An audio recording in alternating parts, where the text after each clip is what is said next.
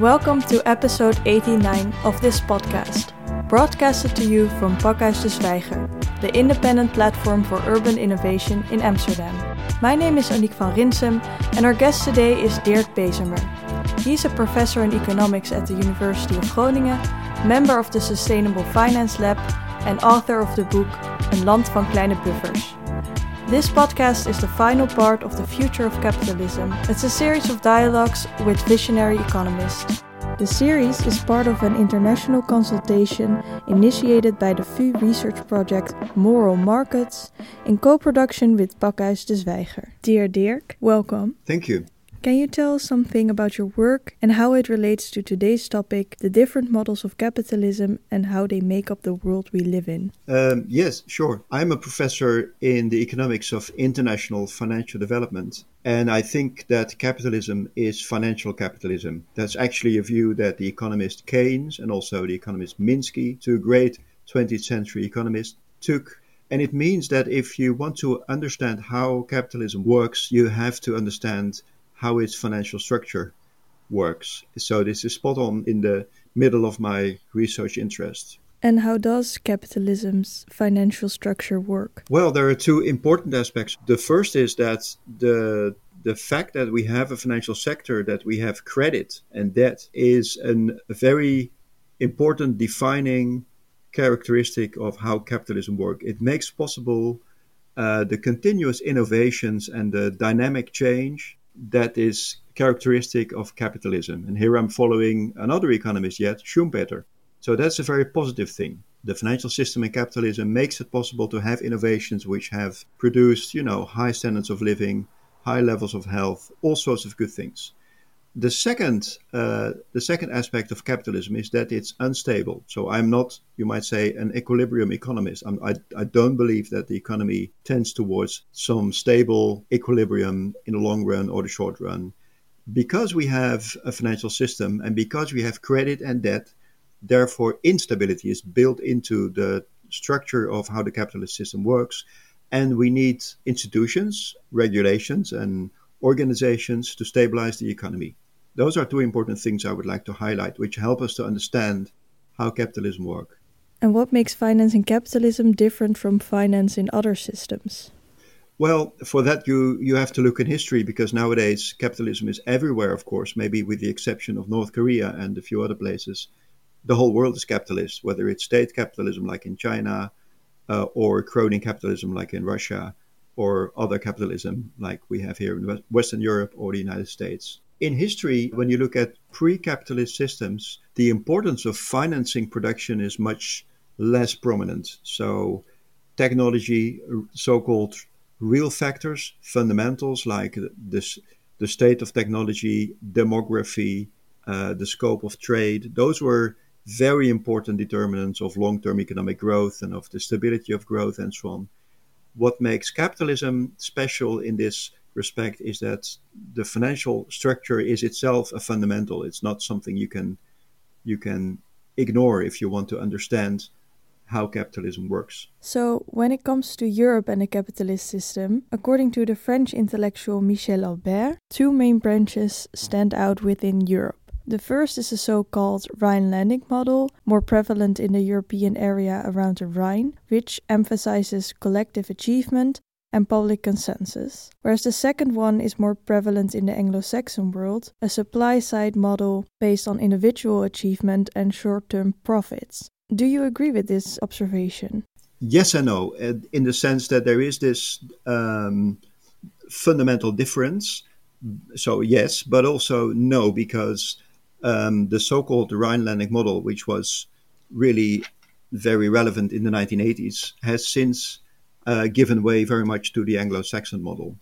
Mm-hmm. Um, so if you look at the financial structure, there is something called market-based banking. So one of the differences between Anglo-Saxon and Rhinelandic, it's always said, is that in the Anglo-Saxon model, uh, stock markets and venture capital and other kinds of financial markets are the way that production is financed, that the real sector real sector firms are financed, whereas in the Rhinelandic model, it's banks that are really important. And that's not only Rhinelandic, but also Asian, for instance, Japan. But nowadays, banks themselves have become part of the financial markets. They are securitizing their loans, which means they make a loan and then they take this loan and they don't keep it on their balance sheet until the loan is paid off. But they can sell the loan to, let's say, a pension fund or a hedge fund, um, which treats it as a financial asset and it's valued, it has a return, and it's it's traded in the financial markets. So this whole distinction between banks and markets, which is uh, the typical distinction between the Anglo-Saxon, I should say, between the Rhinelandic and the Anglo-Saxon worlds, respectively, this has vanished. And how has this affected the socio-economic outcomes in the last decades? It has made so we have a bigger influence of financial markets on the rest of the economy. And uh, in line with what I said earlier, this has increased both the dynamism of the economy and the instability of the economy.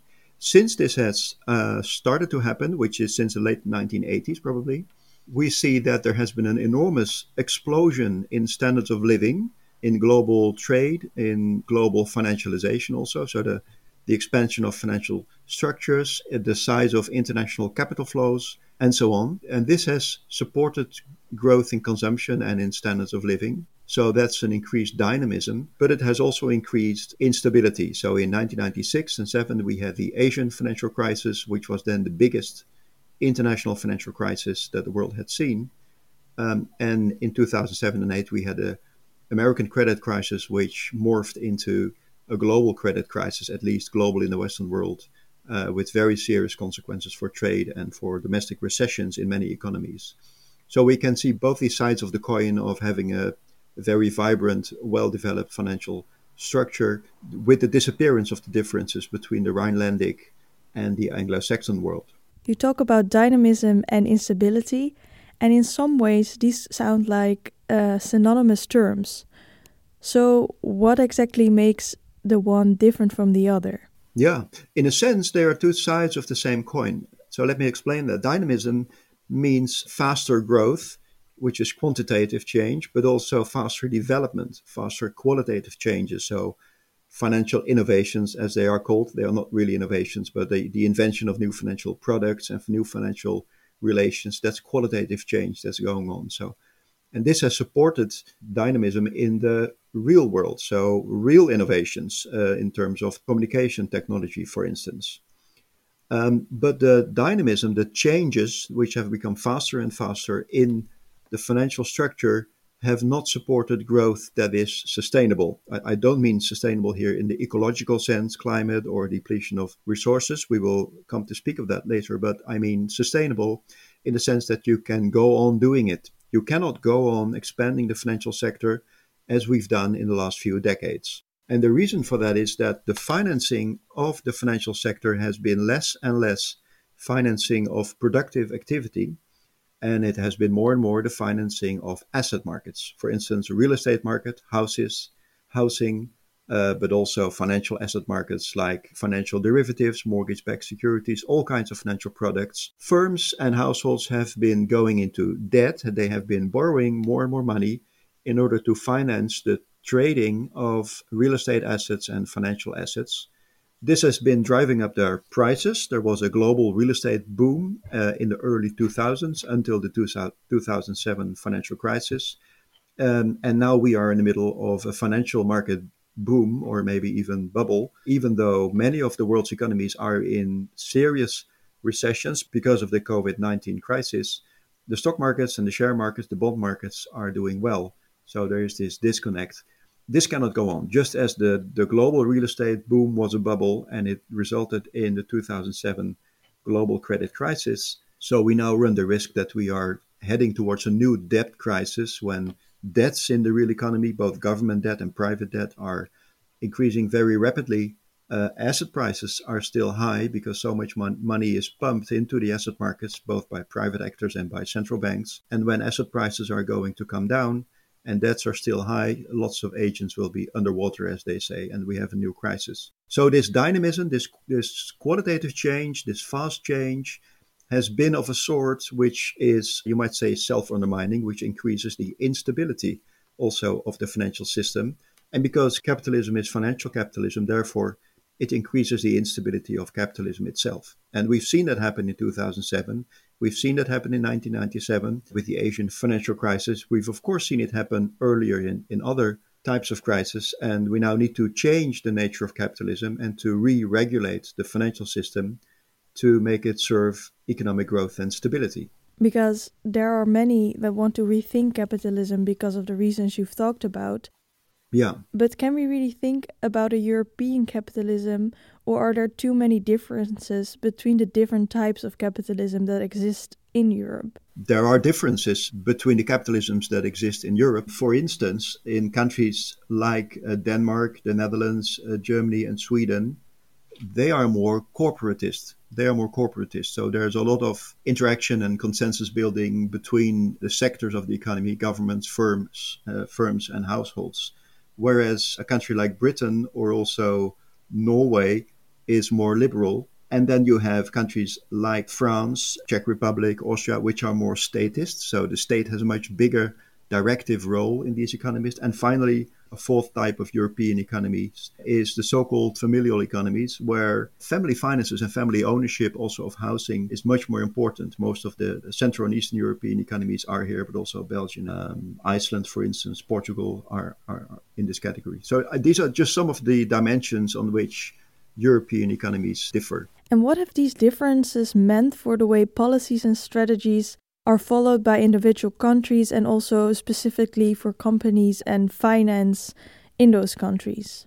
With regard to the macroeconomic policies, um, and I will come to the socioeconomic policies, the macroeconomic policies, you can very, see a very clear difference in the role of the state. In Germany, for a long time, there was a so called Schwarze Null. So the idea that even the German Länder could not have the German states, which are part of the Federal Republic, could not uh, could not have deficits. They would have to balance their budgets, and the German state itself, the federal republic, couldn't have high debts. So that was supposed to be a bad thing. The same as uh, the same as in the Netherlands. So that spending, especially in the recessions that followed the credit crisis, spending wasn't high enough in the Netherlands, for instance, and therefore we had a more serious recession. In southern European countries, you see a much more generous role of the state, which has good sides and dangerous sides, of course, to it. But I want to emphasize that also the underspending of the of the northern uh, northern European state has its dangerous sides because it's the flip side of the deficits that you see in the southern states. So that's a very clear example of how this change in the structure of the economy and the view of what the proper role of, in this case, the state is uh, how this changes, how this has impacts on economic policy. When you look at socio-economic policies, I think on the whole, we have seen a large mistrust of the welfare state. So social spending, which is often government spending, so it's linked to this mistrust of government debt, social spending has been decreased.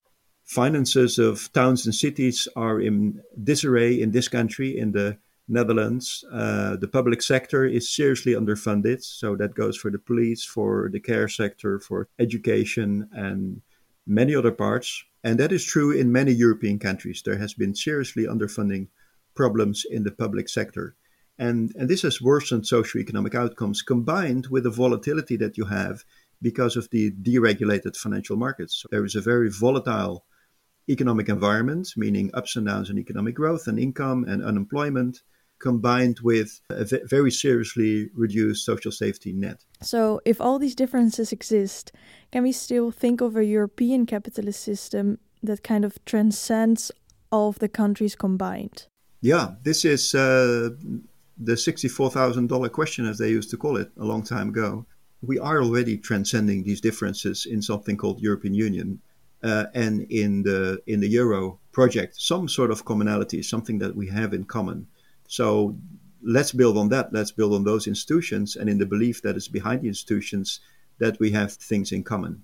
And I think in this project, it is you know it is clear that there is a common European tradition when it comes to forming the economy. And if if I had to say it in one word, the word is balance. So in Europe, there is balance between states and markets. We have never had a free market economy um, like there is in Britain or, or, the United States, although we've moved a long way. There's always been balance between employers and employees, between capital and labor, if you like to put it in old fashioned terms. There's never been uh, the raw fight that you see in some other countries.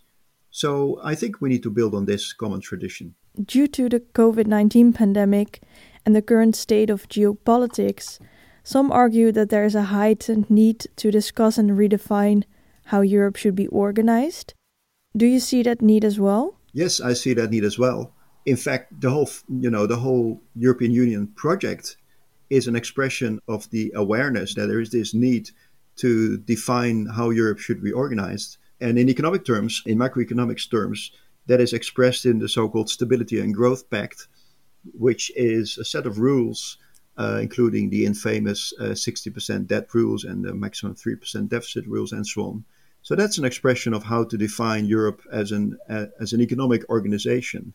But I think we need to think beyond that now. The Stability and Growth Pact is now put aside because of the COVID 19 crisis. And we are forced to think more about solidarity than about rules that restrain us. So we should think less in terms of restraining states to act and more in terms of empowering states to act. The credit crisis drew our attention to the to the inadequate regulation in the financial sector and to the fact that financial institutions like banks and insurers were so big, too big to fail, that they had basically taken over. Uh, you would also almost say governments. So there were there were captured governments in that sense. The COVID nineteen crisis very much throws Europe back on itself because it is clear that many of the things that need to be done in the COVID 19 crisis need to be done by states. So, all this talk about, you know, we live in a globalized world and you cannot act uh, if, you, if, you're not, if you don't have agreements with uh, global partners. Or, no, we have to do things in states, but also we have to coordinate them between states. So, I think that the COVID 19 crisis has made this very clear to us. So, you talk about empowering states to act. Yeah.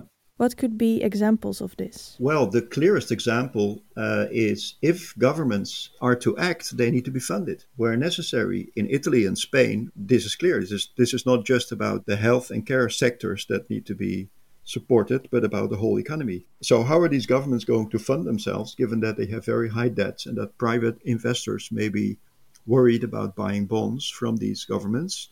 The central bank, the ECB, needs to step in and buy the bonds and provide the financing. That's a way of empowering governments to act. And that's what we need to do much more. So we've had this this idea within the eurozone, even the official rule that the central bank cannot finance governments; it cannot directly buy the bonds of governments. And we've now put it to one side because of the calamity. We've actually put it to one side already longer after the credit crisis. Um, the ECB has been buying bonds for longer already. Uh, and in my view, this is one of the necessary and normal functions of a central bank. This is how central banks started three centuries ago. And we need to return to those practices in order to have effective government throughout the Eurozone. But if this is such a clear solution, why were we not doing this? We are doing it now, but only because we are forced to in a crisis, in, first in the credit crisis and now in the COVID 19 crisis. Against this is the, uh, I would almost say, anti government way of thinking that unfortunately many economists have, where they think of the economy as a collection of firms, and maybe there's a place for households as well, but particularly firms, uh, who reach an equilibrium of demand and supply. And if the government does anything, economists like to call that government interference. The government distorts distorts the equilibrium. Well, interference and distorts. You know, the government has a deficit. Deficit. This, these are all very bad words. Words that make you feel bad. But actually, when the government acts, it can be in the public interest, and that's a lesson that we still need to learn. And we are learning it by demonstration. We can we, we can see it happen as the ECB uh, is empowering governments to battle the recessions and to battle the health crisis. And what are other ways to talk about government in economics that steps away from these negative terms and that steps away from excluding government from a normal economic equation?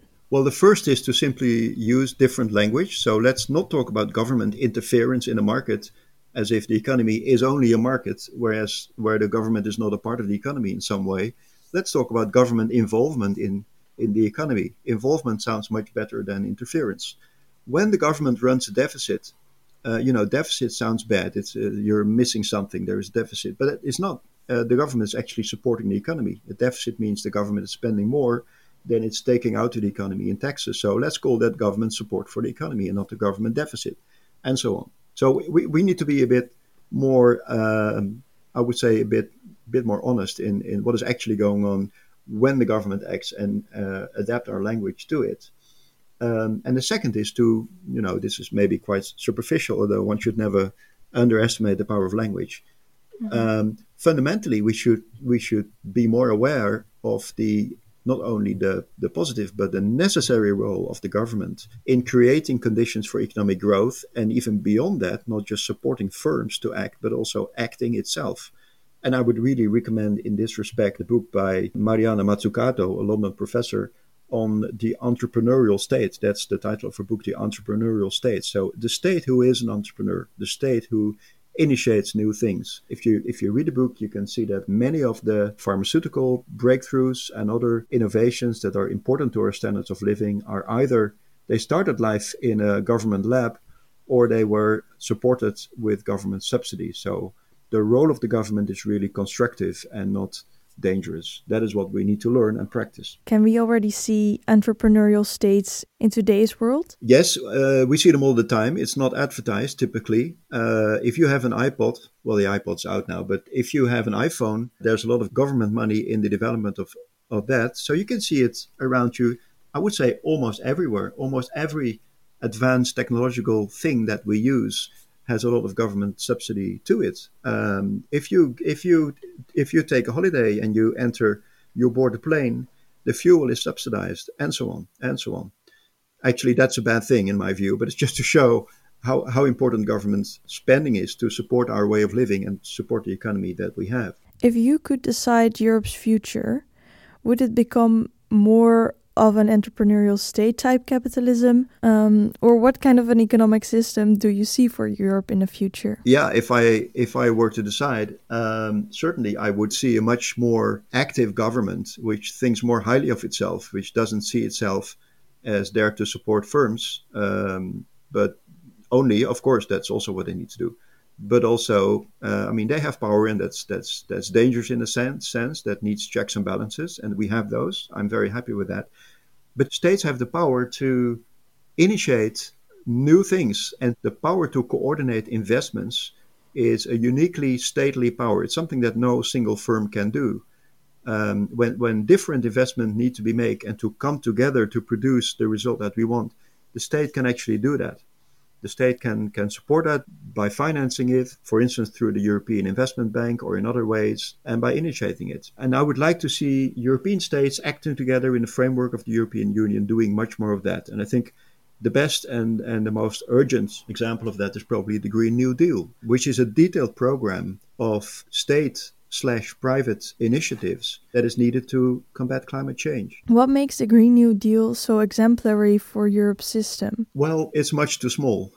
It, it should be much larger, but it is one example. And in the history of the European Union for the last uh, 70 years or so, there's many such examples, but it's again one example of a step that European states are taking together to address an urgent problem. And so it needs to be scaled up. But the fact that states are cooperating here and are creating a new market environment for firms to act in, I think that's that's the important thing. They're creating conditions by providing financing, bundling ideas, initiating projects so that markets, firms can can follow and contribute in this. Um, the other example historically is that after the Second World War, we did this for agriculture. You know, food security was uh, was an urgent need then, and the European Union created this by coordinated agricultural policies. Now, now we have that is that became too much of a good thing. It brought its own problems, but it's but it solved a problem at the time that was very urgent, and and we can do that again. Do you think that's a unique feature to Europe's system that we can cooperate when we really need to? Yes, there's no other group of countries in the world, 27 countries, who cooperate on this level. You know, it's it's not a political union like the United States. Neither is it a collection of states who are occasionally meeting and talking. It really is a, a very advanced form of cooperation, and we are in a unique situation that we can harness this, we can use this to achieve the goals that we want to achieve. I would almost say there's nothing we cannot achieve uh, in terms of, you know, given the technology that we have and the financial power that the European Union. We are the biggest economics bloc in the world, the richest, with enormous technological resources and financial resources. It's a question of getting getting organized uh, and of political will and leadership. What do you think the adoption of more Rhineland thinking could mean for Europe's place in the world? I think already the world is looking increasingly to Europe, especially under the Trump presidency and administration. The US has lost much of its leading role in the world. The other alternative is China, um, which has its own problems when it comes to a leading role in the world, uh, especially for liberal market democracies. So Europe is really the only place and the only big economic bloc left that could have a leading role. So I think that's really becoming more important. And you know, over the last four years, it's it's become very much clear that Europe needs to stand on its own feet, not only in, uh, for instance, financing its own army, its only defenses, but also in its own uh, technology policies, it, uh, its own industrial policies, and so on. We are finally, it seems to me, uh, ending the long shadow of Bretton Woods.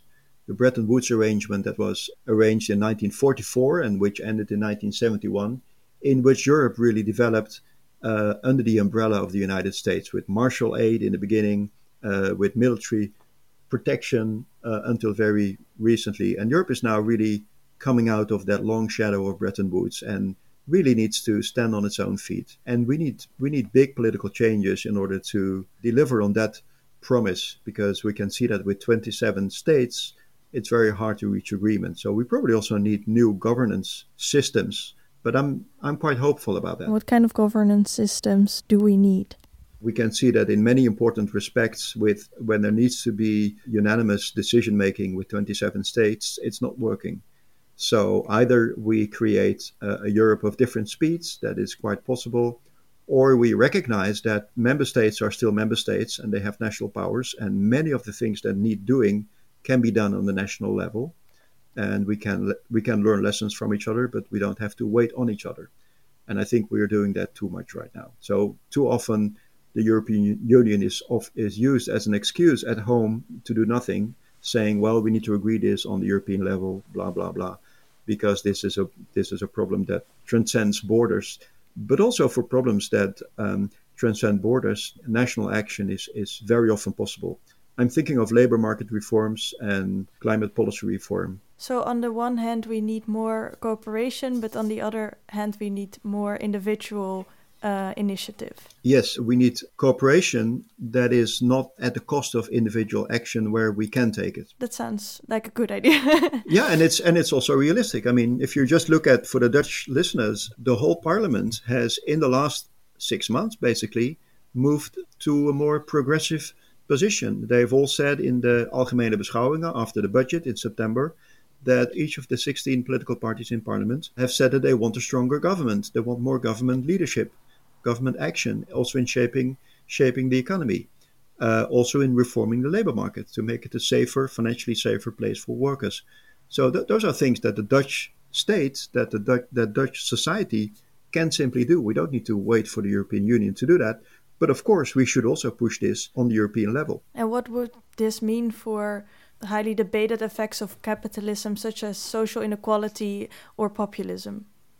Well, they are connected because there is uh, has been a growth of inequality uh, socially, also financially. When you look at incomes and wealth, inequality of income and wealth has risen over the last, let's say, two decades. And an important reason for this is the insecurity in the labor market, where of 9.5 million workers in the Dutch economy, I think close to 3 million are either have a single person business, a so called ZZP'er, or they are on flex contracts. So they don't know how many hours and how much money they will have in the next month, maybe. That's a very financially insecure position to be in. Um, if we start addressing this, then that will increase incomes. And I think the lack of growth of incomes, wages, but also other incomes of single person businesses, is, is one of the big reasons that so many people feel left out of this economic model. So they they see there's economic growth until COVID 19. We had a, an economic boom since 2014, but many people didn't see that in their disposable income, so in the money that they can actually spend after paying their rent and everything. Because, for instance, rents have been rising so much. So the question is really economic growth, yes, but for who? I, should really refer to my book that you, you mentioned at the beginning, Een land van kleine buffers, where I explain uh, these issues and also uh, explain how this can easily be financed, uh, even without increasing government debt, because that's that's a very common worry. So, how can it be financed? It can be financed. Uh, so, changing the labor market, increasing wages, increasing wage rates, and increased spending in the public sector. As I said, we have shortages of people in almost every segment of the public sector the police, the courts, uh, the care system, education, and so on. We can finance an increase in spending um, by reforming the tax system, by increasing taxes on wealth, and by decreasing taxes on wages. There are ready made plans, they're on the shelf, and they can be taken off the shelf and used tomorrow by the government. It's a question of political will. And in that case, I should also really make the link to the climate change challenge. What happened, for instance, in France? President Macron wanted to increase taxes on fuel in order to reduce emissions, and uh, the so called Yellow Vests movement blocked it. There were there were riots in 2018, and this tax change that was due to start uh, in January 2019 never happened because of this. This is how you need to have support from the electorate, from your citizens who don't feel left out. So if we want to implement climate change measures, which are going to be costly, for instance, we're going to charge driving by the kilometer. That's very effective. That's very necessary to reduce emissions, but it's costly. We should do it in one package with a tax reform that decreases the VAT and the wage taxes, financed by an increase in taxes on wealth, which is a progressive tax, so it's the stronger shoulders that will carry most of the burden. Uh, and it will, on net, it will leave especially the lower and the middle incomes better off. If we if we do it in this way and we present it in this way, I'm sure there will be a lot of support for climate change policies. So for climate change policies, you see a political will, but do you also see a political will when it comes to policies towards more equality?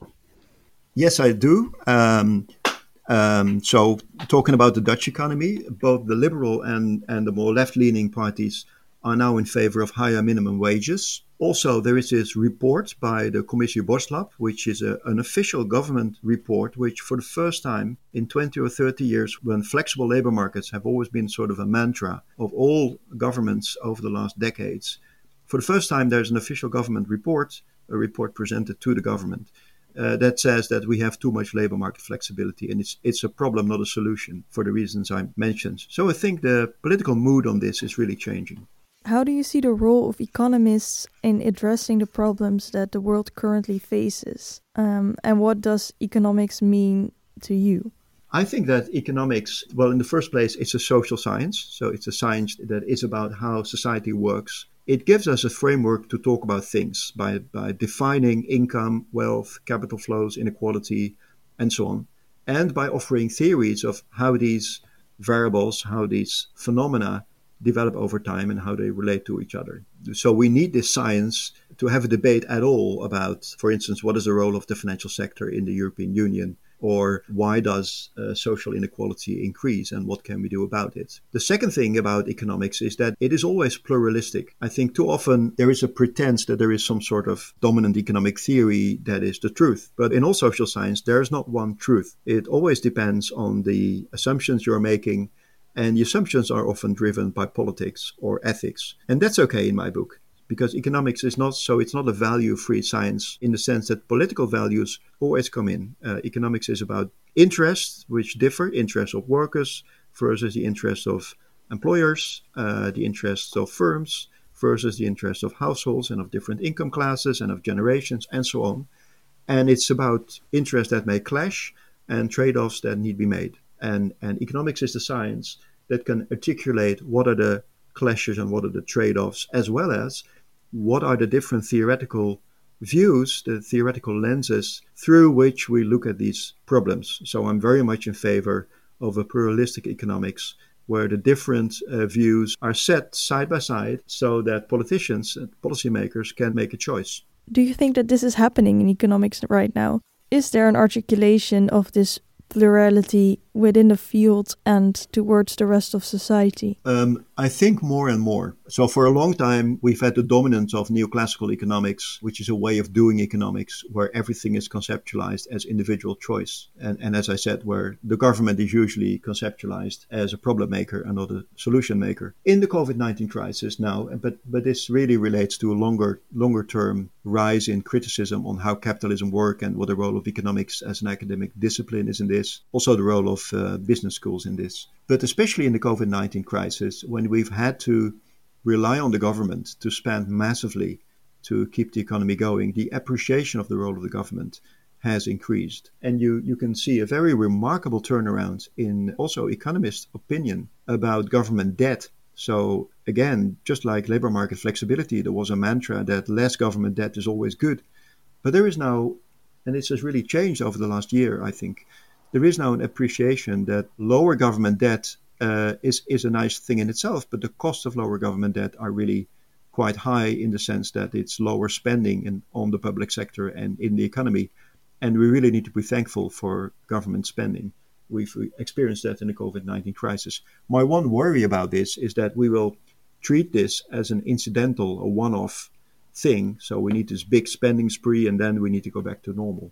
I hope we can use the demonstration effect, the demonstration effect of the government acting and maintaining an environment in which firms and households can flourish, we can keep doing that. There is no need to stop that. Not in the sense that the government needs to go on spending massively, but in the sense that the government can go on creating an environment in which firms and households flourish. So, not create unsafe labor markets, but create safe labor markets. Not letting big firms taking over the market, but co-creating markets to the benefit of everybody. Those are some things where, where government could actually stay on the stage and not step down and, and go back to a much too modest role which they had before. And how do you see the role of economists in the coming years to help the government make these kinds of decisions? Economists should really present the choices. I think economists they need to let go of their self-image of technocrats. Too often, economists have treated themselves and presented themselves as if they were the technocrats. They they were the people. You know, you had to tell them the sum, and they would tell you the solution. You you had to tell them the problem, and they would tell you how how it should be solved technically. Economics should be much more aware of its role as a political science, as a social science, and it should present the choices not as technical solutions, but as alternative ways of shaping society. And it's not the economists who make the choice, it's the politicians and ultimately the voters, the citizens who make the choices. But economists should be clear in presenting the choices and also highlighting the assumption, even the, the view of what human action means behind it. Uh, let me just give one example. We have now we had a report from the social cultural plan bureau, the SCP, one of the, the social research institutions in this country on the so-called zelfredzame burger. So the idea that citizens can take care of themselves, especially vulnerable citizens should be able to take care of themselves without help from local government or national government, supported by their own social network and by their own abilities. And this has been, for many people, a disaster, and it hasn't worked. And now, well, everybody knew that basically, but now there's an official report which says that it doesn't work you know, this is an economic policy. It's a socio-economic policy to to cut costs in the care sector, and there is a, a view of how people function behind it, supporting it, which should be questioned. And economists should be much bolder in also highlighting the view that is implied in policies. So they should not only say if we implement this kind of policy, this is what probably will happen, but also if we implement this policy, this means that we take these and these assumptions which means that we have this and this kind of worldview. Um, help me. How should economists uh, do this in a constructive way? By by writing it down exactly as you said it now, Annick. By writing down, you know, even articulating. It doesn't have to be criticizing, uh, but it should and it should be balanced. But even articulating what you call the worldview or a view of human behavior, you know, human behavior is not the behavior of computers. It's not rational decision making. I mean, it's also rational decision making, but that's not all. And just by articulating that these are the assumptions that underlie a particular model or a particular policy proposal will already create the space, the intellectual space, to question this and to think about it and to say, okay, yes, that's so that's the model of human behavior, or that's the model of the ideal society that is behind this particular proposal, and then policymakers could say, yeah, that that's good, that's what I agree with, or they could say, uh, gee, I didn't know that. Um, maybe this is problematic.